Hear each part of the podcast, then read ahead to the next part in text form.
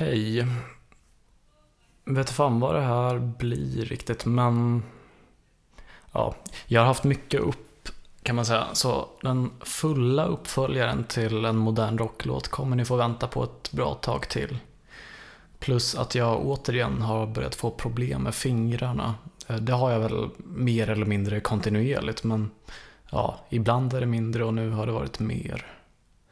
Men lugna er, jag har faktiskt bokat ett möte på vårdcentral där jag ska insistera på remiss till en reumatolog. Swishnummer är 073 8755896 om någon vill uppmuntra mig lite extra. Tack. Upplägget här är lite annorlunda som ni kommer märka. Men det här är bara ett interludium. En, en liten förklaring om, om vad som hände under nådens sommar 2019. Ingen större övergripande båge alltid, så därför är det uppdelat efter specifika datum som jag kommer ihåg. Jag minns att jag... Eh, jag var under en period där rätt socialt, eller jag hade väl fått smak för det här med, med ett större sammanhang där man träffa personer. Eh, men eh, efter, efter då novemberfesten, så jag var rätt svältfödd på det där ett tag. Även när jag fortfarande liksom... Det här hände, det jag kommer beskriva nu hände under... Ja, långt innan det, det gick som det gick med Jenny. Så jag antar att bara Jenny inte, inte var tillräckligt bra eller tillräckligt mycket eller inte eh, täckte alla flanker. Så jag hade fiskat lite efter, vi hade någon gruppchatt där, jag hade fiskat lite efter om det var någon som ville träffas, göra någonting. Ny fest kanske, jag vet inte. Um, det här hände då 23 januari 2019. Del av ett inlägg i Parkliv av Robert Hyselius. Jag tänker ordna en kombinerad litterär salong och filmvisning hemma hos mig någon helg framöver. Vi dricker hemkört vin, läser högt ur valda böcker och ser på långfilmen Fan Club där jag spelar minirollen Konrad och min lägenhet spelar tre olika hem. Lördagen den 2 mars blev jag en del av brödraskapet i Huselihem. Tillställningen var inte enhälligt pretentiös. Det fanns såklart en ironisk sköld som garderade mot en möjligen inbillad pöbel som kunde komma med alla möjliga anklagelser och påhopp. Robert hade fått tag på en gammal 1500-talsbok med burdusa snarare än sensuella älskogsdikter. Erotik var väl en sak, men det här var bara rått. Ingen kunde upprätthålla allvaret en riktig salong kräver särskilt länge.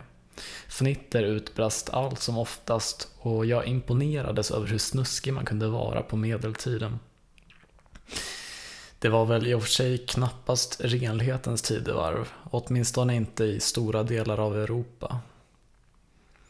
Efter ytterligare högläsning av strofer och stycken, lite Gunnar Blå, lite Klitty, säkert någon mer seriös litteratur också, eh, så landade bollen i min famn. Jag hade inte tagit med mig någon bok, men med fyllan kom både idérikedomen och modet att utföra vad jag i stunden bestämde mig för. Temat för mitt bidrag var romantisk konfrontation och tonårig omogenhet. Gamla messenger-konversationer jag verkligen hade fruktat och undvikit lästes upp. Josefin, ettan i gymnasiet. Jag hade känt mig förfördelad och förbisedd i ett socialt sammanhang och riktade orimliga anklagelser mot henne. Som om inte jag hade något eget ansvar att gaska upp mig och hävda min plats. Något jag förvisso inte hade förmågan att göra, men det var ju mitt och inte hennes problem. Josefin svarade att det här funkar inte längre. Varje social interaktion IRL är onaturlig och forcerad. Det håller inte att vi ska försöka vara vänner. Men du får självklart fortsätta umgås med vårt gäng på lunchen och så. Jag hade inga vänner i klassen. De förbarmade sig. Tyckte synd om mig. Om deras umgänge var välgörenhet så kunde det lika gärna kvitta alltihop. Hej då för alltid, skrev jag.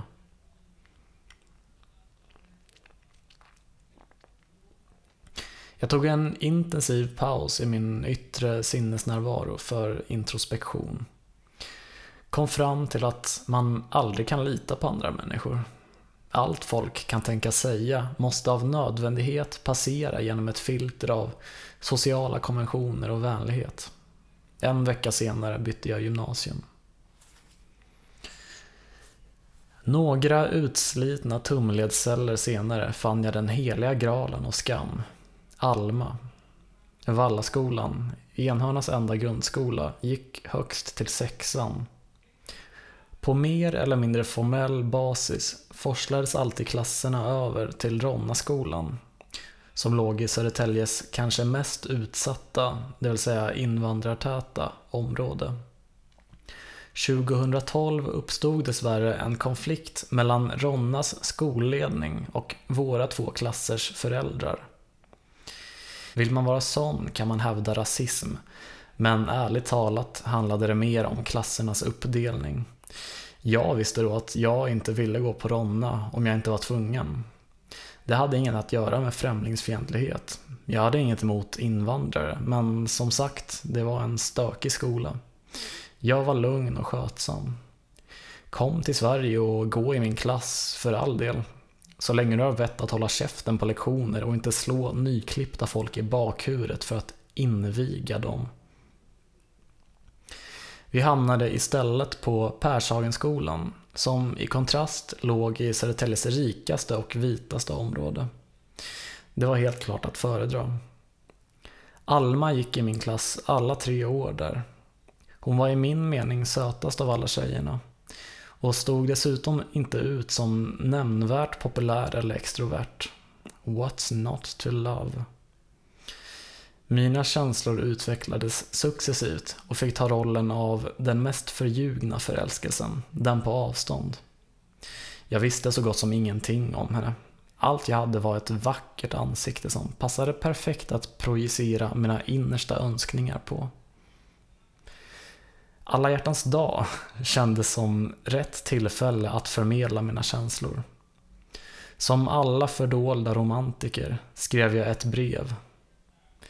Vem visste vilken gnista som skulle uppstå när hon läste mina ord, vars andemening lästes Hej, jag tycker du är väldigt söt. Det vore kul att lära känna dig bättre. Oskyldigt nog jag la på en creep-faktor när jag sökte upp hennes adress och la lappen i brevlådan. Att sticka ner den i hennes skåp i skolan medförde för många risker, som till exempel att någon av hennes kompisar skulle få fatt på förklaringen. Eller att den skulle glida ner till skåpet under som tillhörde vem vet vem. Dagarna och helgen efter var nervösa men förväntansfulla. Ett meddelande på Facebook. Jag var nära att spy. Allt stod på spel, men ännu mer låg i potten. Det var ungefär Hej Love. Tack för det fina brevet, men jag är nog nöjd med graden av bekantskap vi har nu. Mina inälvor, helt urgröpta. Gouge away, Alma. Gouge away.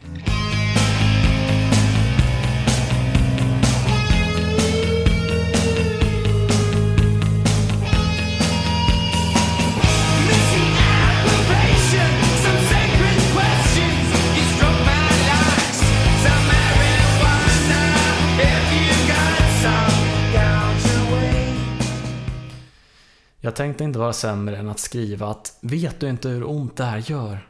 Klart du inte vet du rika Pershagenbo. Curlad, bortskämd. Du har aldrig känt av riktig smärta. Otrevligt värre, tänkte jag när jag läste upp allt. Men alkoholen hjälpte som sagt med skammen och inramningen av ett performance, ett konstverk. Jag stannade kvar efter filmvisningen av Fanclub om kvinnofängelsets fanklubb som Robert hade varit ytterst aktiv i. Inget vidare. Tråkigt manus, dåligt skådespel, alldeles för lång. Nu var det så sent att jag övertalade Robert om att få sova över. När jag vaknade slumrade han fortfarande som en stock. Jag tog på mig skorna, smög mig ut och skrev ett meddelande där jag tackade för husrum. Av oklar anledning tog jag tvärbanan till Årsta från Gullmars. Jenny fick en bild av stationens skylt som jag inte tror hon svarade på. Hade salongen legat två månader framåt i tiden skulle jag haft betydligt starkare innehåll att bjuda på. Men ingen nivå av berusning har hittills förmått mig att gå tillbaka och läsa den chattloggen.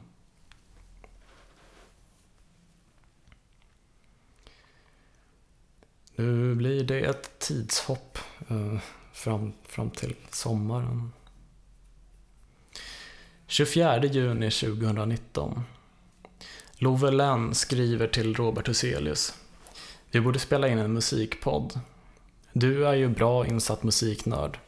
Jag är glad entusiast, men ändå rätt entusiastisk att diskutera och sprida musik. Intresserad? Ska definitivt tänka på detta. Man skulle kunna ses och smida planer. Dagen efter sågs vi på Baras 2.0. Varsin billig öl och ett par till under kvällens gång. Både Robert och jag var förberedda med penna och anteckningsblock. Planer smiddes, tankar bollades. Min ritning utgick från podden Arkivet, där de spelade upp musik för varandra och diskuterade efteråt. Väldigt obskyrt dock. Både jag och Robert tyckte att man kunde bredda det lite. Ha med sånt man tyckte var bra utan att tyngas ner av ett pinsamt underground-komplex. Inte dra sig för att spela Belle Sebastian, som tydligen Robert också gillade. Eller varför inte Markus Krunegård? Så länge man tog tydligt avstånd från hans uttal av psykedelisk som psykadelisk. Robert hade tidigare haft ett program på Radio Eskilstuna, Radio Magma, och han hade även varit programledare på Kaleidoskop i P2. Han jobbade mycket med temaavsnitt. Det är bra. Något att förhålla sig till för att skapa struktur. Jag föreslog udda barnmusik. Egentligen bara för att få spela en låt Jenny en gång hade tipsat mig om. Sophämtarvisan från kassetten Professor Baltasar som hon och sin syster hade haft som ungar. I min vilda fantasi såg jag att Jenny lyssnade på avsnittet och blev glad av att jag visade att hon hade lämnat spår. Att jag inte skulle glömma det vi hade haft och hennes förmedlade erfarenheter. Robert gillade idén. Det är ju förskräckligt, det är ju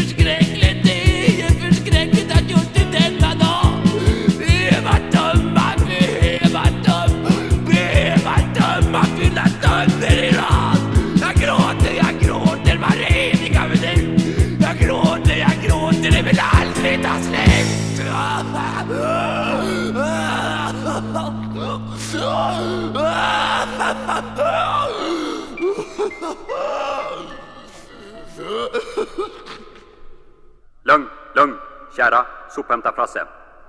Jag har uppfunnit en sopätare. Ja, En annan idé var att ha gäster. Två spontana drömgäster för mig var Uje Brandelius från Dr. Cosmos och Mattias Björkas från Cats on Fire och Vasas Flora och Fauna. Kvällen tog slut, men den tilltänkta podden klargjordes något. Den gick från en tanke till ett faktum, även om vi inte hade kommit överens om ett namn än. Klick. Summer and winter, winter and springtime. You heard the birds sing, everything will be fine. I spent the summer wasting, the time was passed so easily.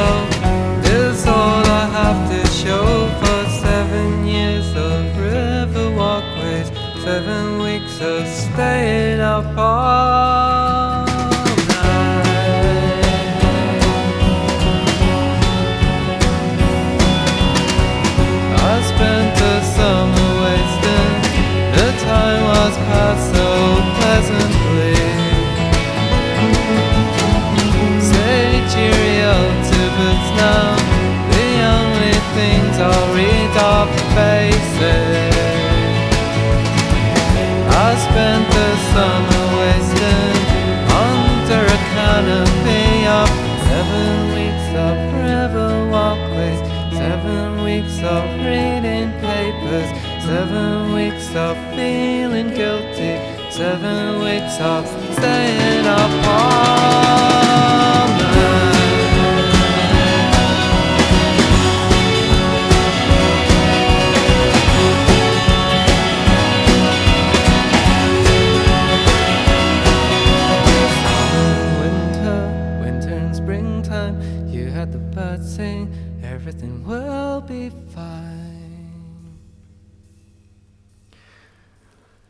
29 juni 2019. Vi planerade in en inspelning. Ett första avsnitt. Något namn hade vi inte. Mina förslag ratades av Robert och hans förslag föll mig inte i smaken.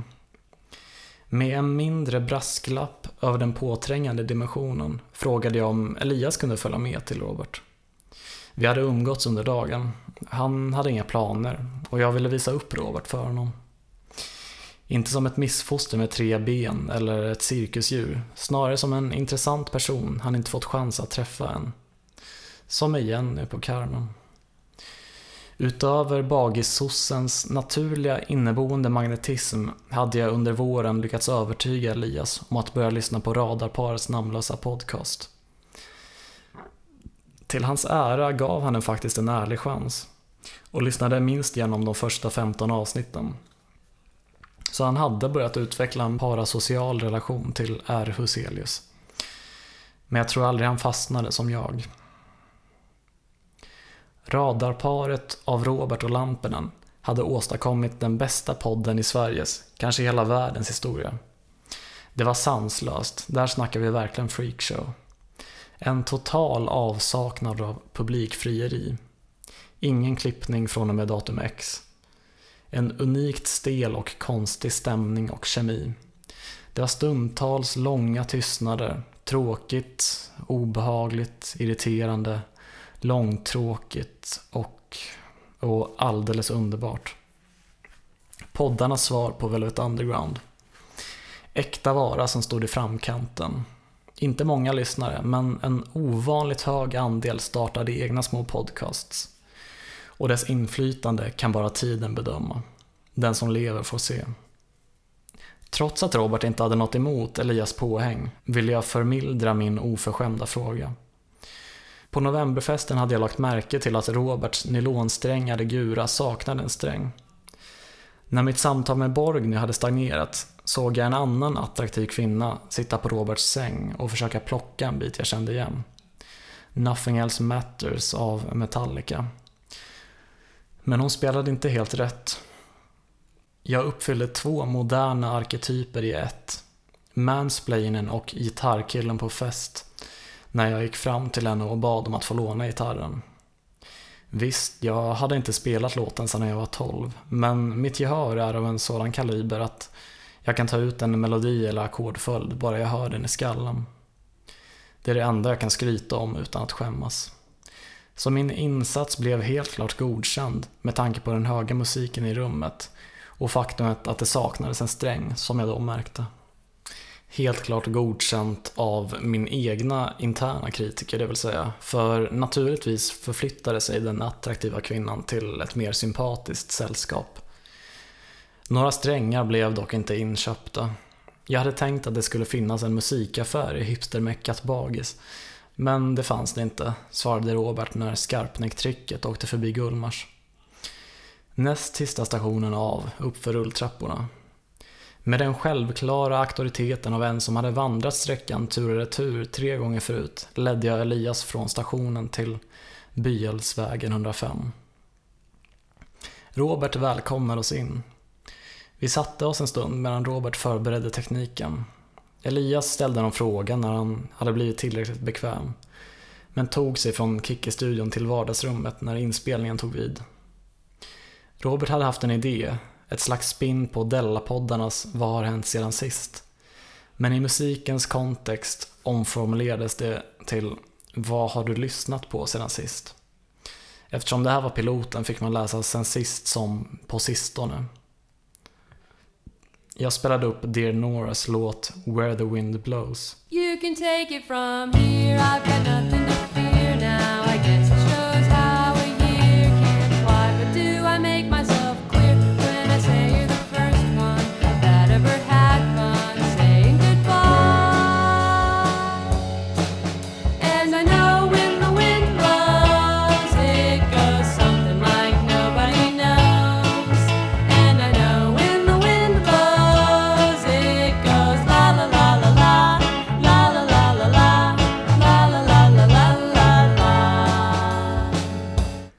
Robert svarade med en låt av något black metal-band, kan ha varit Ulver.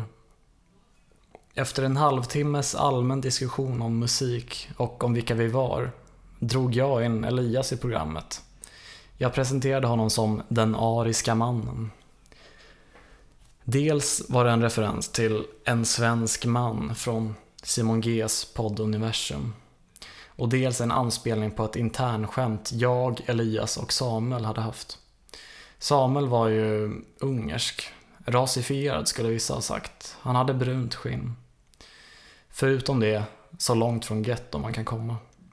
Men han tillhörde den ugriska folkstammen. Han var uger, men det fick egentligen bara andra ugrer kalla varandra. Elias å andra sidan var pursvensk. Lång, blond och blåögd. Han var arre, alltså arier. Efter den ariska mannens oförberedda spontanintervju kände vi oss färdiga. Inget namn, men i alla fall ett avsnitt. Fast vem visste när det skulle släppas? Robert hade bjudit på vin. Elias tog ett glas av ren artighet.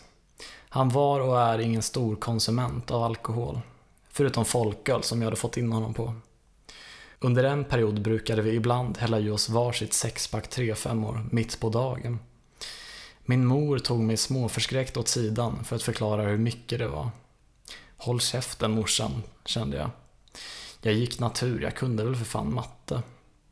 När jag tänker på det idag hade hon en poäng. Vi blev rätt packade sådär mitt på dagen bara. Sunkigt värre. Nu drack jag desto fler glas vin. Inte av plikt, inte av njutning. Så himla gott var inte Roberts Bruks Chardonnay. Utan av ren och skär berusning. Pojken behöver bedöva sig lycklig. En avdomnad hjärna är välmåendets bästa vän. Personligen var han nöjd med att sitta kvar i lägenheten och skjuta skit. Men Robert kände nattlivets kall. Han ville att staden skulle vara vår och rödmålad hela natten. Två kompisar till honom skulle till Hirschenkeller vid Hornstull. Tiggare kan inte vara kräsna, så vi tiggde sovplats och böjde oss efter hans vilja. När vi gjorde oss redo berättade jag om en sak jag och två andra kompisar, som Elias också kände, ibland gjorde i våra unga tonår.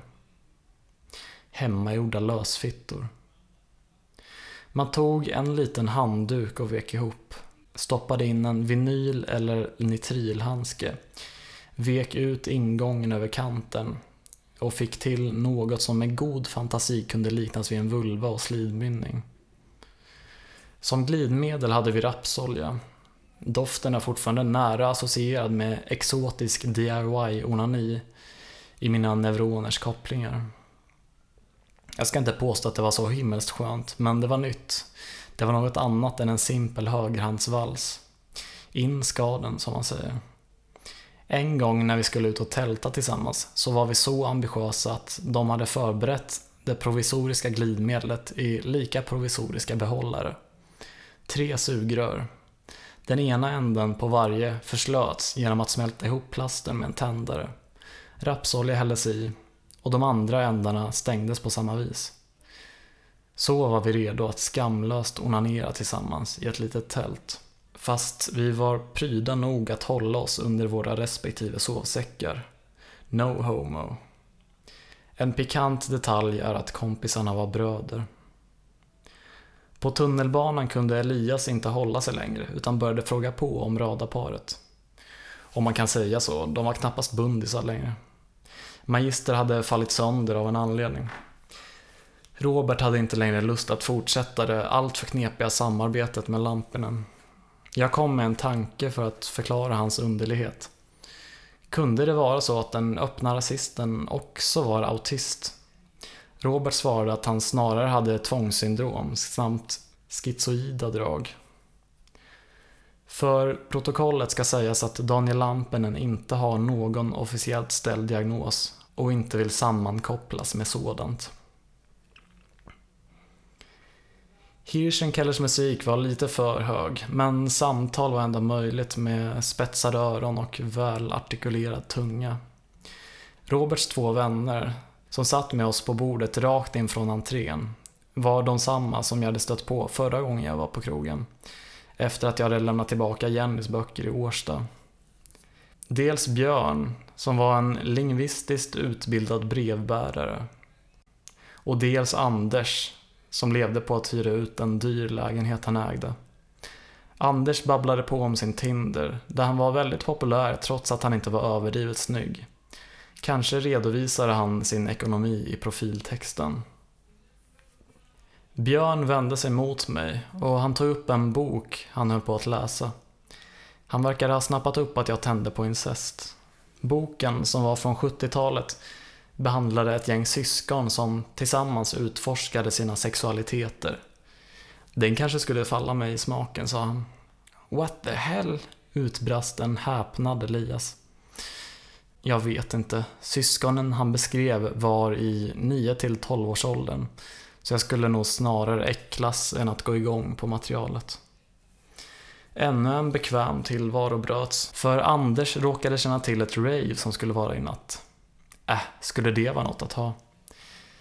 Men det var inte jag som höll i taktpinnen. Jag fick lite tjack av Robert som motivation. Och när jag fick reda på platsen blev jag ändå sugen att följa med. Kymlinge. Ett ortnamn jag hade stött på på Flashback många år tidigare i Urban Exploration-forumet. Där låg spökstationen, som hade börjat byggas men aldrig slutfördes. Vi gick av i Kista. Därifrån var det en 15 minuter lång strapats. Vi var uppenbarligen inte ensamma i vår kännedom om ravet. Många andra festglada gäng gick på samma stig. Det var rätt sent nu, kanske ett på natten. Och jag önskade att jag hade tagit med varmare kläder. Två tjejer vi passerade hade en välbekant doft. En lukt jag kände igen väl. Det gröna guldet, djävulens sallad. I fyllans högmodiga oblygsel sa jag vad gott det luktar. De svarade inte utan kollade bara på mig underligt. När vi hade gått förbi klagade jag lite för kamraterna. Vilka jävla fittor, sa Anders. Jag instämde. Alkoholen hade trängt bort min vanliga skepsis mot att använda sådana könsbestämda okvädesord mot kvinnor. Musiken, som hade börjat höras långt i förväg, var nu nästan outhärdligt hög. Rave, ska det vara något att ha? Det hade jag sagt innan och det repeterade jag ännu en gång. I den mån det var ljudligt. Högljudd kass techno. Jag var inte i närheten av hög nog för att gilla eller ens stå ut med det här.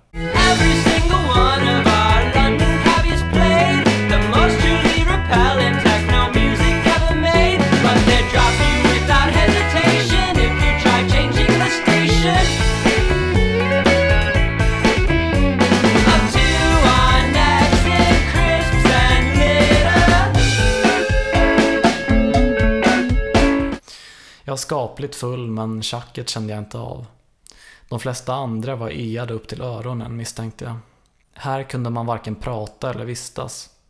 Robert och Elias, varför är vi i den här avlägsna skogsdungen? Ska vi inte förflytta oss till det betydligt mer intressanta stationsområdet? Ingen av herrarna var särskilt svår att övertala, även om Robert inte hade lika mycket emot miljön. Vi gick iväg en bit. Det var inte det lättaste att ta sig dit, men vi hittade ett hål i stålstängslet, tryckte oss igenom det, gick under en bro och uppför en backe mot spårområdet. Det tog tid för mig att samla mod. Jag drog mig till minnes en podd jag hade lyssnat på när jag gick på Södertörn. Dumma idéer med Thomas Eriksson och Isak Jansson. En av gästen Ola Söderholms dumma idéer var att i 20-årsåldern ha vandrat mellan två tunnelbanestationer på rälsen. Mycket snack om den potentiellt dödliga strömledande skenan i mitten av spåret. Visst, det var bara att ta språng och i ett skutt hoppa över spåret. Men jag kunde inte tänka bort faran av den höga spänningen framför mig. När vi lekte Jönssonligan på lågstadiet var jag till en början Dynamit-Harry. Han var feg som jag. Men till sist blev jag utkastad. Trots att Dynamit-Harry var en hare vågade han alltid till sist. Han vågade hoppa ner för den stora stenen. Inte jag, som följaktligen byttes ut mot Adam. Men ikväll hade jag dragit upp amfetamin i snoken. Jag hade druckit rikliga mängder öl och vin och jag hade följt med på rave. Jag var sist på tur. Inte fan skulle jag fega ur. Lite självförvållad död, ja, det får det vara värt. Det är spill man får räkna med. Ante omnia contentum, ropade Robert och satte igång en sändning i gruppen Park Live. Content framför allt. Det är Parklivs ledord. Jag hade en skjorta och långt hår i nacken som inte var instoppat i min Gröna Lund-keps. Ful utav helsike. Elias hade en röd tröja och var lika lång och gänglig som Robert. Vi utforskade stationens halvt nedbrutna skelett, gick ner i ett utrymme och upp genom en lucka. För mig var det en spektakulär upplevelse. Äkta urban exploration, sånt jag bara hade läst om förut. Det var något annat än det ovårdade rucklet i Göran Groths ägo som jag och Elias hade upptäckt ett par år tidigare. En creepy tapet, gamla kassetter, ett inrasat tak, en märkt fågels kvarlämnor. Det var lantlivets nonchalans, livets flyktighet, naturens ostoppbara gång. Det här var stadens dolda innanmäte, politikens förgängliga planering, betongens charmiga evighet. En annan art av ett annat slag. Vi gick tillbaka till raveområdet. En bit bort såldes ballonger med lustgas, som man överallt såg i form av nedskräpning. Men det var säkerligen ockerpriser. Hade jag haft framförhållning kunde jag ha köpt med mig några paket patroner. Fast det hade inte räckt. Minst skulle ett par grovt ljuddämpande öronproppar ha behövts. En ravekärring försökte säga något till mig, men jag hörde inte vad hon sa. Hon verkade ha the time of her life. Jag nickade och höll med. Fy fan för rave-folket, vilka vedervärdigt sunkiga människor. De verkar ha funnit sitt kall och det är väl kul för dem, men jag vill under inga omständigheter vara en del av det. Robert, Björn och Anders stod ut med miljön, inte jag. Så Elias blev tvungen att följa med mig därifrån. Promenaden mot Kista centrum var lång och stundtals tyst.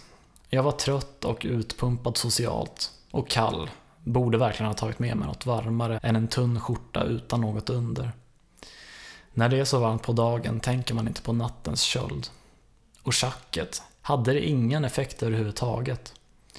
Första gången jag hade försökt röka cannabis kände jag inte av något. Det berodde på ovana, den dåliga tekniken av en färsking som inte ens hade rökt tobak innan.